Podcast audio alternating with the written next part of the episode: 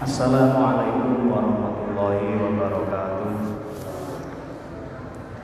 Bismillah, Alhamdulillah Wassalatu wassalamu ala Sayyidina Muhammad ibn Abdullah Amma ba'da wa Bapak-bapak, ibu-ibu yang saya hormati Marilah kita mengawali Belajar bersama pada malam hari ini Dengan pembacaan surah Al-Fatihah Dengan harapan kita dapatkan Bisa bermanfaat dan bisa menambah ketakwaan kita kepada Allah Subhanahu wa taala. Al-Fatihah. A'udzu billahi minasyaitonir Iyyaka na'budu wa iyyaka nasta'in ihdinas siratal mustaqim siratal ladzina an'amta 'alaihim waladdallin.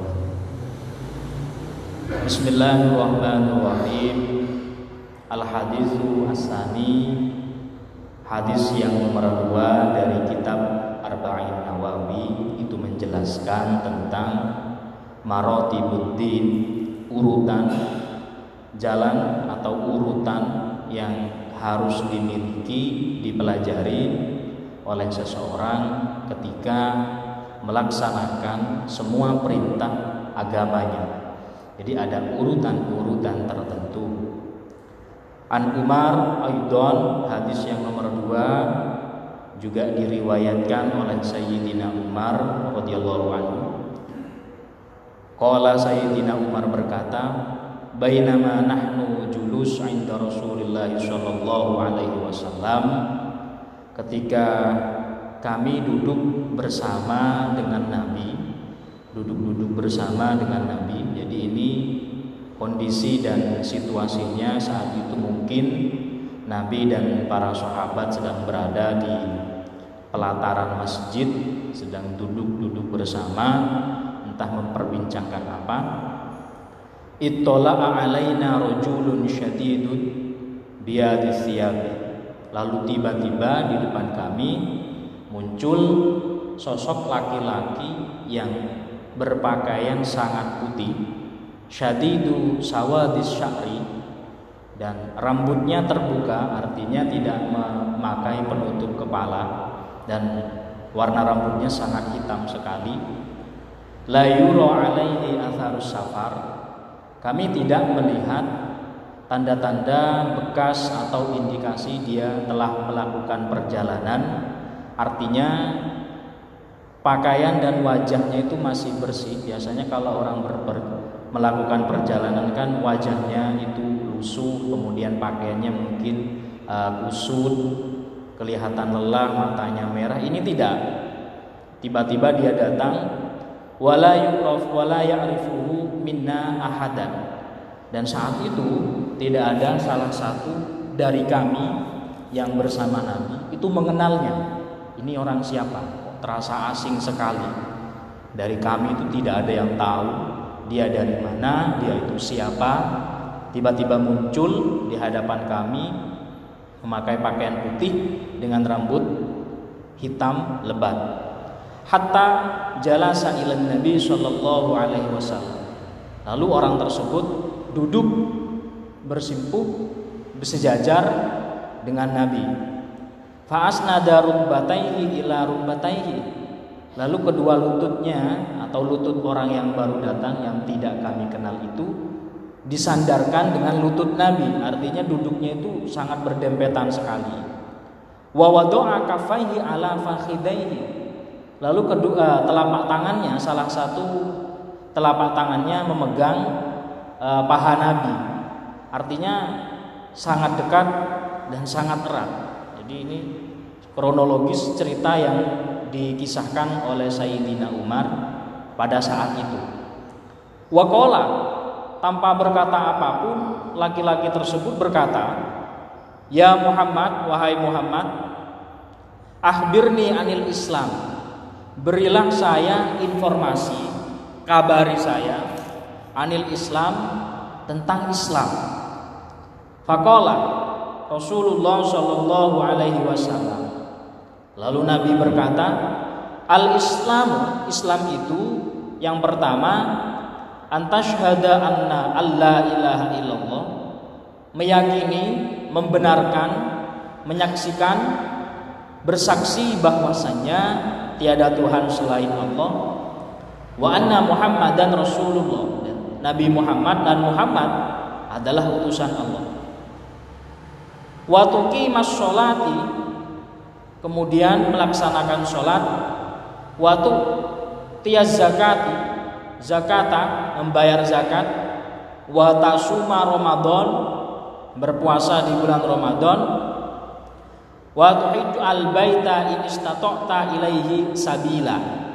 Dan melaksanakan ibadah haji kalau mampu. Kola. Lalu orang yang ber, orang laki-laki tadi yang bertanya kepada Nabi menjawab sodakta oh benar kamu kamu benar. Faajibna. Maka kata Sayyidina Umar kala itu oh kami heran. Yas'al wa yasaddaq. Orang itu yang tidak kami kenal orang asing ini bertanya kepada Nabi tentang Islam. Lah kok dia membenarkan? Ya, harusnya orang bertanya kan karena tidak tahu. Misal kalau saya bertanya Pak arah ke Masjid Nur Hikmah di mana ya oh sampean setelah lampu merah belok kanan lurus. Nanti belok kanan lagi belok kiri lurus bentar lalu belok kanan. Oh kalau saya menjawab oh berarti saya nggak paham karena saya bertanya. Tapi kalau jawaban saya sebagai penanya menjawab oh anda benar pak. Oh berarti saya bukan bertanya. Itu berarti saya sedang uji coba. Berarti ngetes bahasanya itu. Jadi kami heran kata Sayyidina Umar waktu itu lah laki-laki yang tidak kami kenal ini bertanya kepada Nabi tentang Islam, lalu dia membenarkan Islam itu. Ah, lalu dia membenarkan jawaban Nabi. Kemudian wa waqala ah waqala laki-laki bertanya lagi, "Fa'ahbirni anil iman." Lalu Muhammad, berilah kami informasi, berilah saya informasi tentang iman. Nabi Muhammad berkata, "Qala antuk minabillah meyakini membenarkan.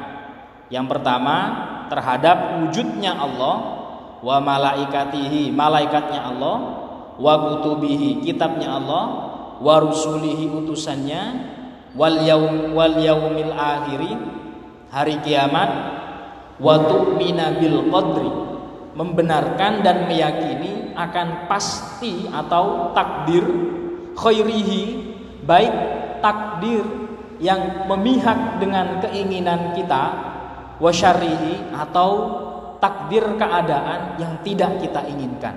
Kita harus mengimani, membenarkan bahwa semuanya itu dari Allah Subhanahu wa taala. Lalu kola, loh, laki-laki ini berkata lagi, "Sodakta." Oh, kamu benar Muhammad. Masih heran lagi, Umar dan sahabat yang lain masih terheran-heran. Loh, bertanya lagi, lalu membenarkan lagi. Enggak iso foto wong lanang ki ora jelas. Ya teko, ya bener nih, piye karepe. Mungkin bahasa Jawanya semacam itu. Fa akhbirni anil ihsan.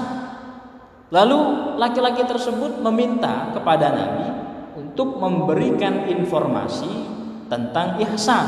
Muhammad, apa itu ihsan? Qala Nabi Muhammad berkata, anta'budallah ka'annaka tara. Beribadahlah kepada Allah. Seakan-akan engkau melihat Allah.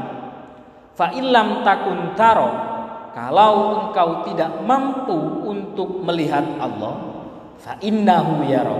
Maka yakinlah tanamkan dalam hatimu bahwasanya Allah taala melihat mengetahui tentang dirimu perbuatanmu bahkan apa yang terbesit di dalam hatimu.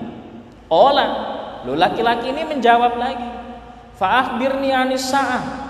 Lalu berilah aku informasi tentang hari kiamat. Nah, tentang hari kiamat, Nabi menjawab. Jawaban jawaban Nabi bukan jawaban yang baik, tapi jawaban yang diplomatis.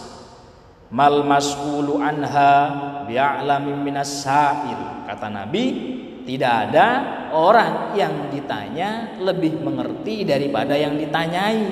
Jadi jawaban Nabi tidak menjawab kapan hari kiamat itu. Tapi Nabi menjawab dengan jawaban yang diplomatis yang bertanya tentu lebih tahu daripada yang ditanyai kata Nabi gitu. Kola lalu laki-laki tersebut berkata, Fa'ahbirni an amarotiha. Kalau begitu, berilah saya informasi tentang tanda indikasi dari akan tibanya kiamat. Kola, Nabi berkata, yang pertama, antalida al-amatu robbataha. Seorang budak, seorang yang kasta paling rendah, antalida amataha, melahirkan majikannya. Nanti keterangannya di belakang apakah ini makna asli memang semacam itu atau bahasa persemon nah, atau kiasan saja. Wa antaro al-hufata al-urata al-alata ri'a asya yatatawaluna fil bunyan.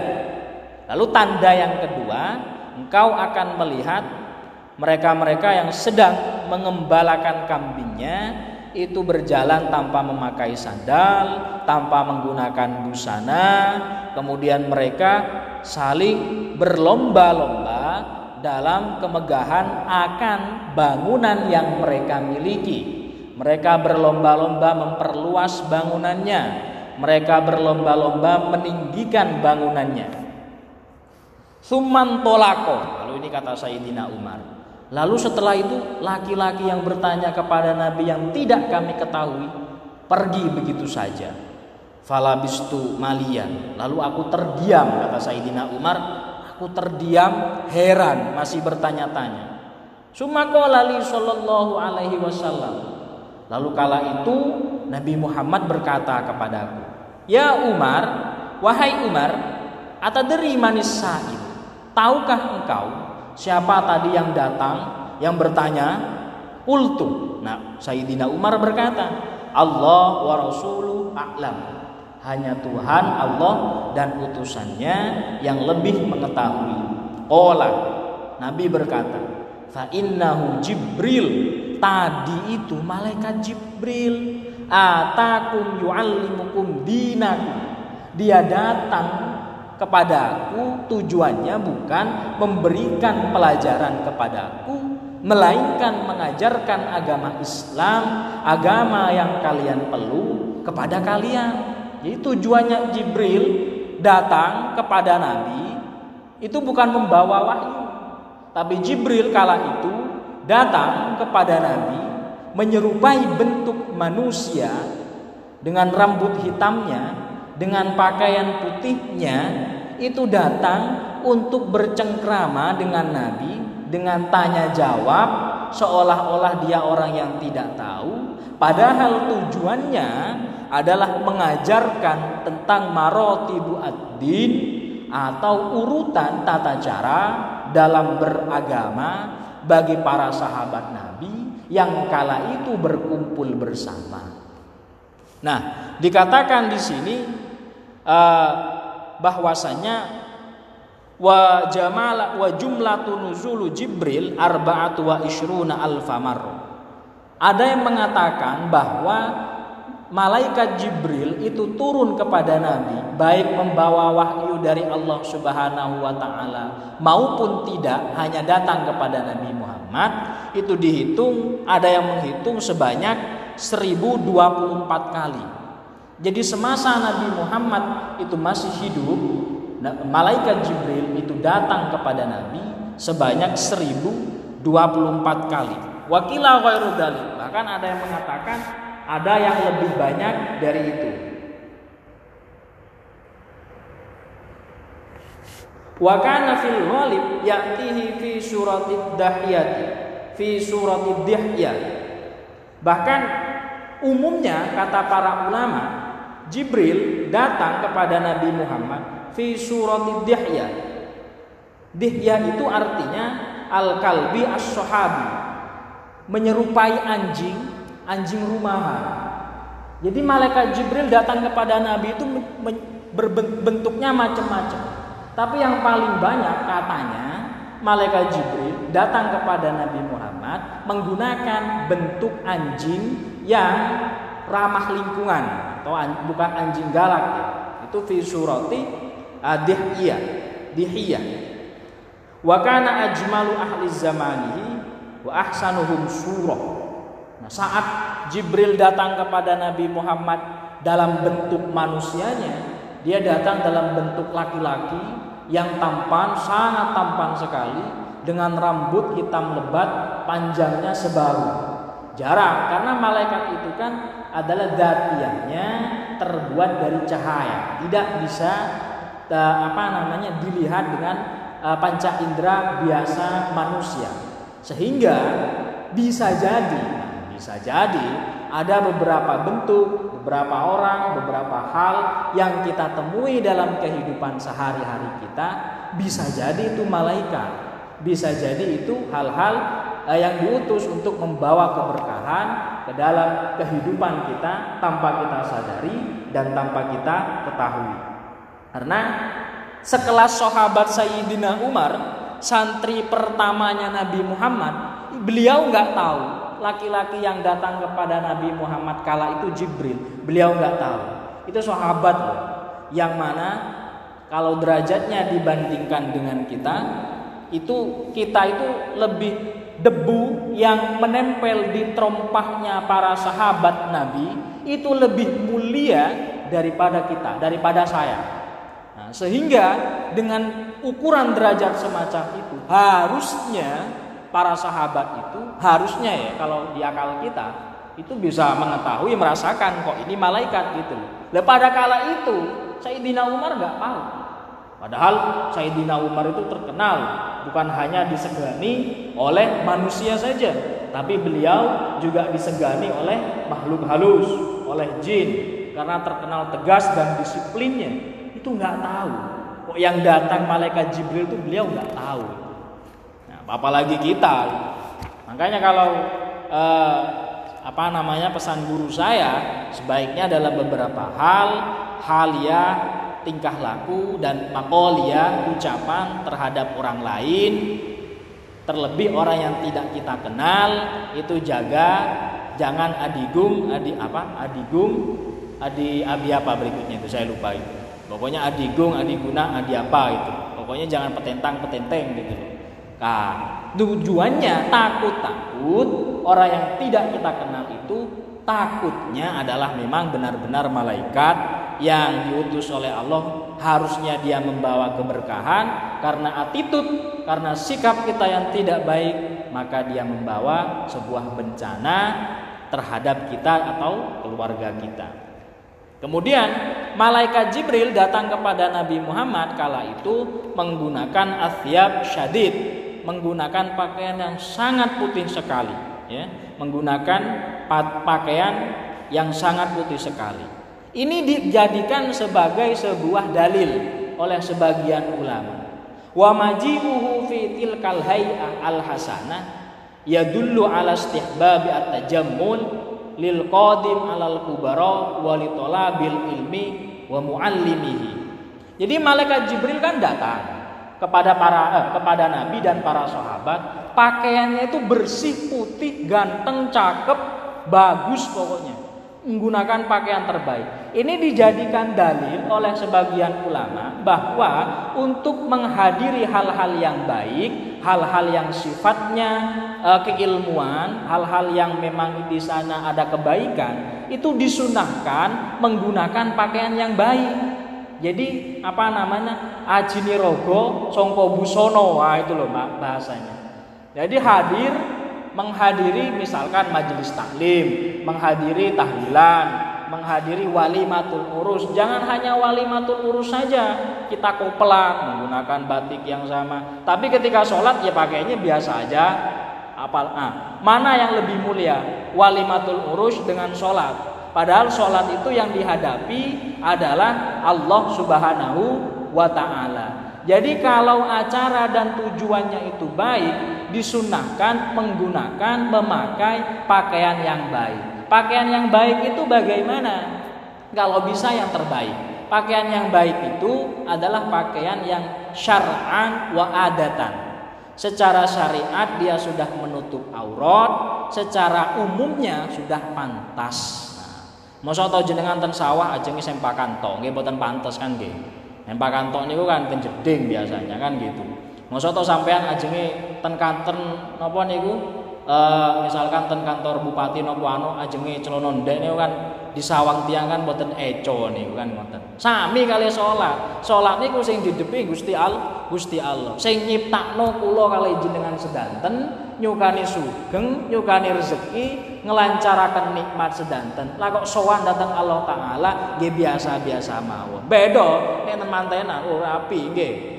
Kondangan rapi, rapi, selonone api, pakai parfum, kelambine mecis, niku kepanggih kali tiang. Lah niki kepanggih sowan datang ngersane Gusti Al, Gusti Allah. Bahkan salah satu gurunya Imam Syafi'i, beliau namanya Imam Malik, itu ceritanya untuk membaca satu hadis, satu hadis Nabi, hadis apa pun, beliau mandi terlebih dahulu, keramas, habis itu menggunakan jubah yang baik, terbaik yang beliau miliki, menggunakan wewangian yang paling mahal, menggunakan siwak, kemudian cuci muka, wudhu. Itu untuk membaca satu hadis loh. Ya kalau kita baca Quran, itu yang dibaca hadis ya, bukan bukan kalamullah ya. Apalagi yang dibaca kalamullah. Salah mocone ora pate tepak, ngadep ngetan karo leleyean, gawe HP disambi main game. Wis gak dadi. Jadi attitude-nya itu tidak ada. Kalau secara sah-sahnya ya sah-sah saja secara syariatnya. Cuman sopan santunnya itu tuh tidak ada.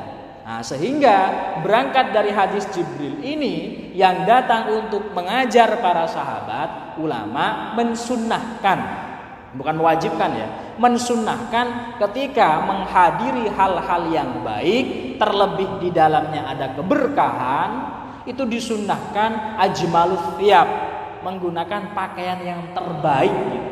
Menggunakan pakaian yang terbaik terlebih bagi mereka yang ingin mencari ilmu. Apa sederhananya kalau SOP biasanya ke institusi ya di sebuah institusi itu diwajibkan memakai seragam ini memakai busananya atau dress code-nya itu kan ada biasanya itu. Ke kantor ini dress code-nya ini bisa tahu saya kalau di kantor kepresidenan dress code-nya kan ada.